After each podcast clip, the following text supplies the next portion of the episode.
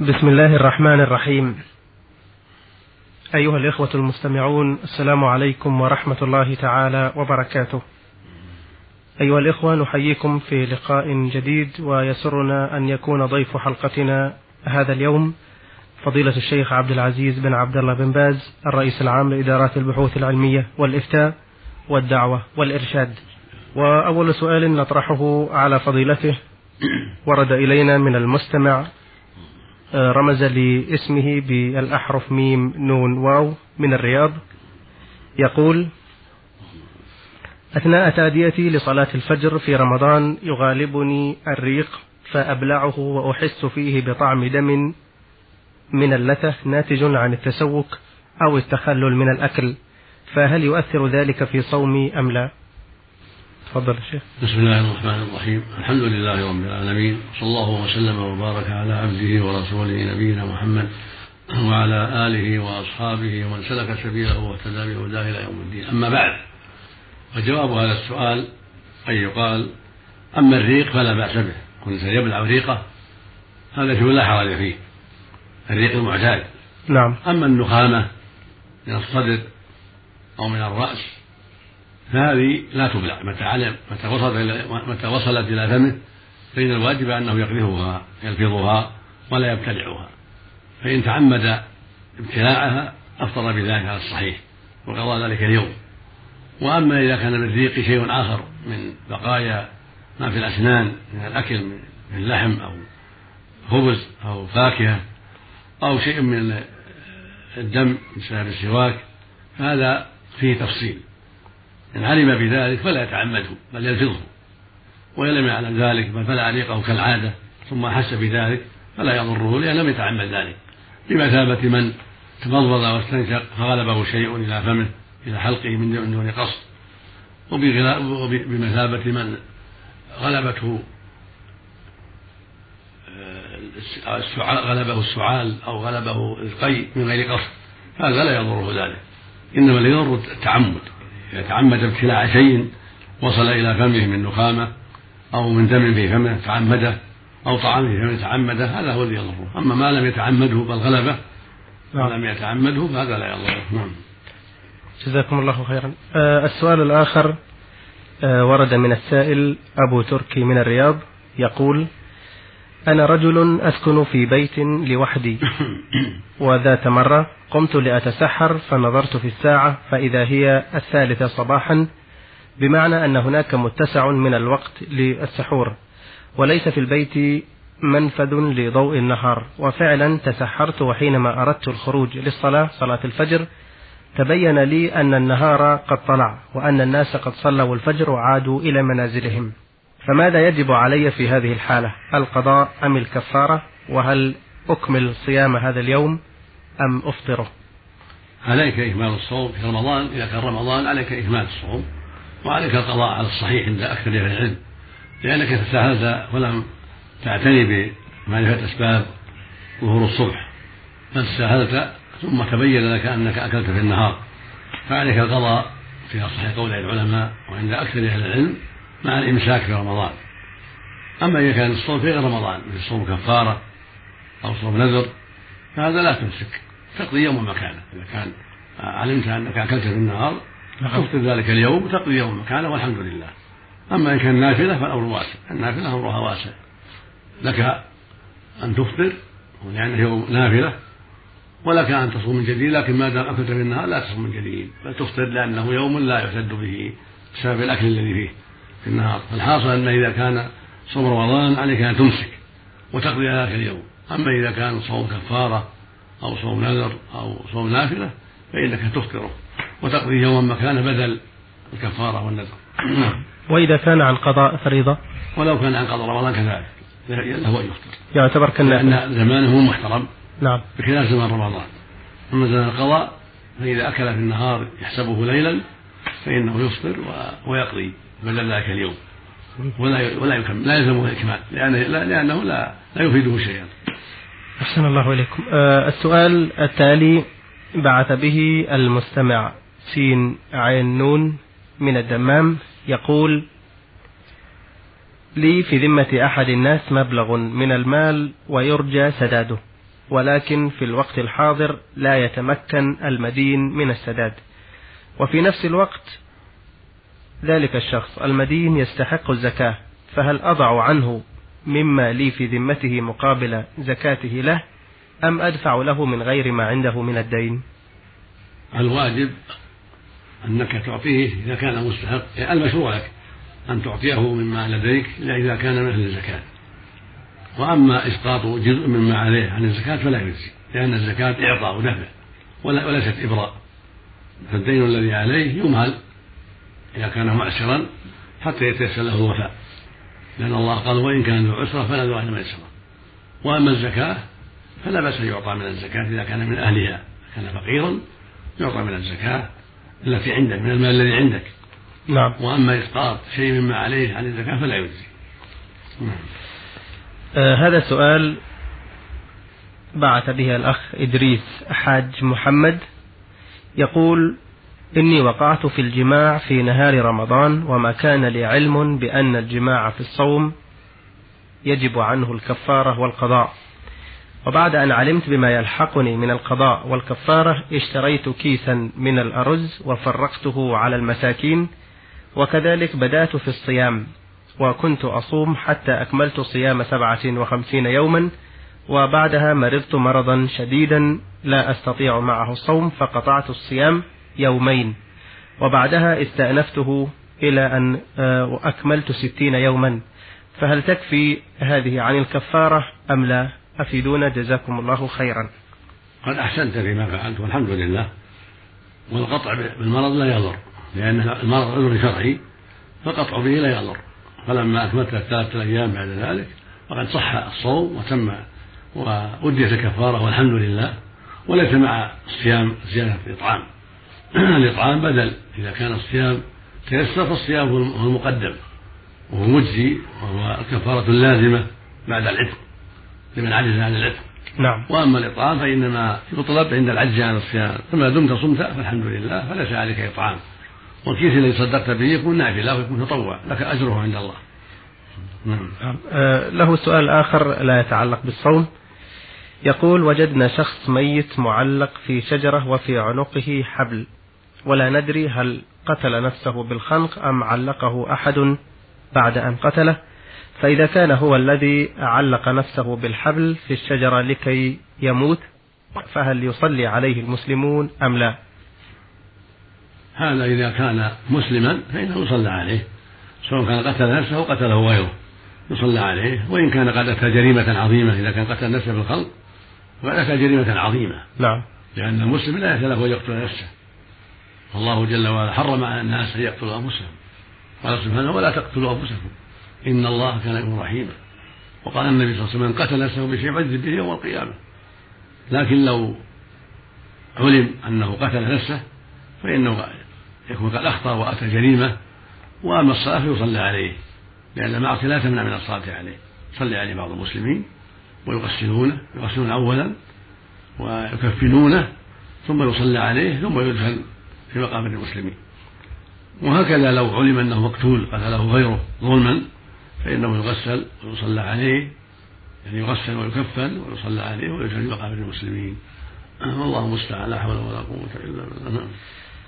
آه هذا سؤال بعث به المستمع ألف عين من مكة المكرمة يقول أتيت إلى المسجد لأصلي العشاء في رمضان فوجدت المصلين يصلون التراويح وقد انتهوا من صلاة العشاء فهل يجوز أن أنضم إليهم بنية الفرض على أن أكمل ركعتين بعد سلامهم ولي أجر الجماعة أو أصلي منفردا العشاء؟ إن صليت وحدك فلا بأس. وإن صليت معهم من أجل الجماعة فهو أفضل. صلي معهم ثم إذا سلم الإمام تقوم وتأتي بالركعتين الباقيتين من العشاء ولك أجر الجماعة إن شاء الله. وقد ثبت في الصحيحين عن معاذ رضي الله عنه أنه كان يصلي مع النبي عليه الصلاة والسلام العشاء فرضه. ثم يذهب معاذ فيصلي بجماعته صلاة العشاء نافلة له وهي فرضهم وقد قره النبي على ذلك عليه الصلاة والسلام.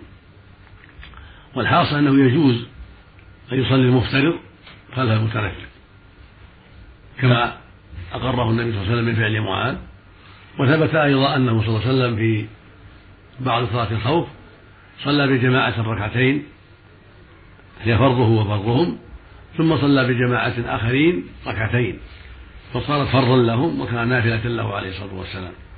هذا كله يدل على أنه لا بأس أن يصلي المفترض كما المتنفل. كالذي جاء في في رمضان وقد صلى الناس العشاء فإنه يصلي معهم العشاء بنية العشاء ثم إذا سلم الإمام من إحدى تسليمات التراويح يقوم فيصلي بقية العشاء. نعم. نعم. آه له سؤال آخر يتعلق بالصلاة. يقول لو أتيت والجماعة في الركوع أو السجود فهل تكفي تكبيرة الركوع أو السجود أم لابد من تكبيرة قبلها للإحرام ثم تليها تكبيرة الركوع أو السجود؟ إذا جاء والناس ركوع فإن الواجب عليه أولا أن يكبر تكبيرة الإحرام أولا. نعم. ثم إن تيسر له أن يكبر عند انحنائه تكبيرة الركوع فإنه يكبرها. وإن لم يتيسر ذلك أجزأته تحريمه تكبيرة الإحرام تجزئه على الصحيح. ولكن إن أتى بهما جميعا هذا هو الأفضل هو الأكمل. خروجا من خلاف العلماء ثم يركع مع إمامه وتجزئه الركعة هذه. وليس له وليس عليه قضاء الركعة بل تجزئه هذه الركعة التي أدرك الإمام فيها في حال الركوع. أما إذا جاءه سجود فإنه يكبر تكبيرة الإحرام فقط وهو واقف ثم ينحط ساجدا بدون تكبير ولا تجزئه هذا الركعة لأنه فاته ركوعها وقيامها. نعم. نعم. هذا السؤال أيضا بعث به المستمع عبد الكريم عبد الله محمد من جمهورية مصر العربية. يسأل عن اختلاف الزمن بين الدول بالنسبة للمسافر الصائم من بلد إلى بلد يتأخر فيها غروب الشمس أو يقدم عن البلد التي سافر منها كأن يسافر من بلده بعد أن يتسحر ثم يصل إلى بلد تغرب فيه الشمس قبل غروبها في وقت بلده الذي أقلع منه بزمن كثير أو العكس بأن تتأخر عنه بزمن كثير فما الحكم في هذه الحالة؟ الحكم حكمه حكم البلد التي قدم عليها. إذا صام في بلد وقدم على بلد أخرى حكمه حكم البلد التي قدم عليها. إذا قدم عليها وهم يفطرون قبل بلاده أفطر معهم وإن كانوا يفطرون بعد بلاده يتأخرون بعد بلاده أفطر معهم حكمه حكمهم. متى نزل بهم صار له حكمهم في الإفطار وفي السحور وفي كل شيء. وفي العيد أيضا نعم. نعم. حتى لو طال زمن صيامه أو قصر نعم نعم. لو مثلا تسحر مثلا في الرياض وسافر إلى جهة المغرب أو إلى إسبانيا نعم. فإنه يستمر حتى يفطر معهم هنا. نعم. وكذلك لو وصل إلى بلد أيضا تغرب فيه الشمس قبل الرياض مثلا فيفطر معهم. يفطر معهم يعني نزل بهم. نعم, نعم. آه هذا سؤال. بعث به المستمع أحمد رمضان عثمان من الخرج يقول أحيطكم علما أنني أنا وعدد من العمال الذين يشتغلون في مزرعتي ليلة تحري رؤية الهلال هلال رمضان جلسنا نترقب الخبر حتى ساعة متأخرة من الليل فلم نسمع عنه فبعد ذلك نمنا جميعا. قبل أن نسمع ثبوت الرؤية. وفي صباح اليوم التالي أفطرنا جميعا ثم ذهبنا للعمل. وفي الضحى ذلك اليوم نفاجأ من الإذاعة أنه أول يوم من رمضان فما حكم الدين في هذا اليوم الذي أفطرناه قبل علمنا بالصيام؟ وماذا نفعل؟ ونحن قد أفطرنا أول يوم من رمضان بعذر هو عدم ثبوت الرؤية. الحكم في ذلك أنكم لا حرج عليكم لا إثم عليكم لأنكم لم تفرقوا استمعتم فلم تسمعوا الخبر فلا إثم عليكم إن شاء الله ولكن عليكم قضاء هذا اليوم. عليكم الإمساك لما علمتم وجئتم بخبر الضحى وعلمتم أنه من رمضان تمسكون عند عامة أهل العلم بل هو كالإجماع من أهل العلم. ثم تقضون هذا اليوم مع الإمساك. تقضونه بعد بعد العيد لأنكم لم تكملوه بتم ولم تنووا الصوم وإنما أمسكتم بعد ذلك. هذا اليوم يقضى مع الإمساك جميعا. نعم. نعم. وليس عليهم حرج في وليس عليهم كفارة ولا شيء. نعم. ولا كفارة. ولا إثم نعم. أحسن الله إليكم. آه هذا سؤال بعث به المستمع طالب عبد الله علي مقبل المقيم في جيزان. يقول نرجو منكم أن تبينوا لنا كيفية صلاة الكسوف وصلاة الجنازة. جزاكم الله خيرا. أما صلاة الكسوف فقد أوضحها النبي عليه الصلاة والسلام في الأحاديث الصحيحة وأخبر عليه الصلاة والسلام أن الشمس والقمر آيتان من آيات الله وأنهما لا ينخسفان لموت أحد من الناس ولا لحياته ثم قال فإذا رأيتم ذلك فصلوا وادعوا حتى ينكشف ما بكم. ولما وقع ذلك في عهده صلى الله عليه وسلم كسبت الشمس في عهده صلى الله عليه وسلم صلى بالناس ركعتين. كبر وقرأ الفاتحة وقرأ معها سيادة وطول عليه الصلاة والسلام ثم ركع طويلا ثم رفع وقرأ الفاتحة وقراءة أخرى طول فيها لكن دون الأولى ثم ركع طويلا عليه الصلاة والسلام ثم رفع لكن ركوعه هذا دون الركوع الأول ثم رفع فأطال بعض الطول لكن طول دون الطول الأول ثم سجد سجدتين طويلتين عليه الصلاة والسلام. ثم قام فقرأ الفاتحة وما, تيسر معها وطول لكن دون ما قبله في الطول ثم ركع فطول لكن دون ما قبله. ثم رفع فقرأ الفاتحة ومعها زيادة وطول لكن دون ما قبله. ثم ركع وطول لكن دون ما قبله. ثم رفع وطول لكن دون ما قبله. ثم سجد سجدتين طويلتين ثم اشهد ثم سلم ثم خطب الناس وذكرهم عليه الصلاة والسلام. فكانت صلاته أربع ركوعات في ركعتين وفي أربع سجدات. كل ركعة فيها ركوعان وفيها سجدتان وفيها قراءتان. كل ركعة فيها قراءتان وركوعان وسجدتان. وروي عنه أنه صلى ثلاث ركوعات وأربع ركوعات وخمس ركوعات في كل ركعة لكنها فيها نظر. فيها نظر عند أهل العلم وأصح ما ورد في ذلك وأثبت ما ورد في ذلك أنه صلى ركعتين في كل ركعة قراءتان وركوعان وسجدتان. هذا هو المحفوظ في الصحيحين وغيرهما. فالمشروع للمؤمنين إذا وقع فيهم الكسوف سواء كان الشمس أو القمر فانهم يصلوا ركعتين طويلتين. في كل ركعة ركوعان وقراءتان وسجدتان. ولهذا في حديث أبي موسى رضي الله عنه قال لما كسرت الشمس قام النبي صلى الله عليه وسلم عليه الصلاة والسلام فصلى بأطول قيام وأطول ركوع وأطول سجود عليه الصلاة والسلام. ثم لما فرغ قال إذا رأيتم ذلك فافزعوا إلى ذكر الله وإلى دعائه واستغفاره. وأمر الناس بالصدقة والتكبير والعتق والذكر عليه الصلاة والسلام. قال لو تعلمون ما أعلم لضحكتم قليلا ولبكيتم كثيرا. بالنسبة للخطبة ليست لازمة. والخطبة سنة بعد بعد الفراغ. بعد نعم. الفراغ من الصلاة يذكر الناس. يبين لهم أن الشمس والقمر آيتان من آيات الله وأنهما لا ينخسفان لموت أحد من الناس ولا لحياته كما يظن بعض أهل الجاهلية ولكنهما آيتان. خوف الله بهما عباده يعني هذا الكسوف يحصل للتذكير والتخويف والتنبيه أن أن هذا العالم بيد الله يصرفه كيف يشاء سبحانه وتعالى.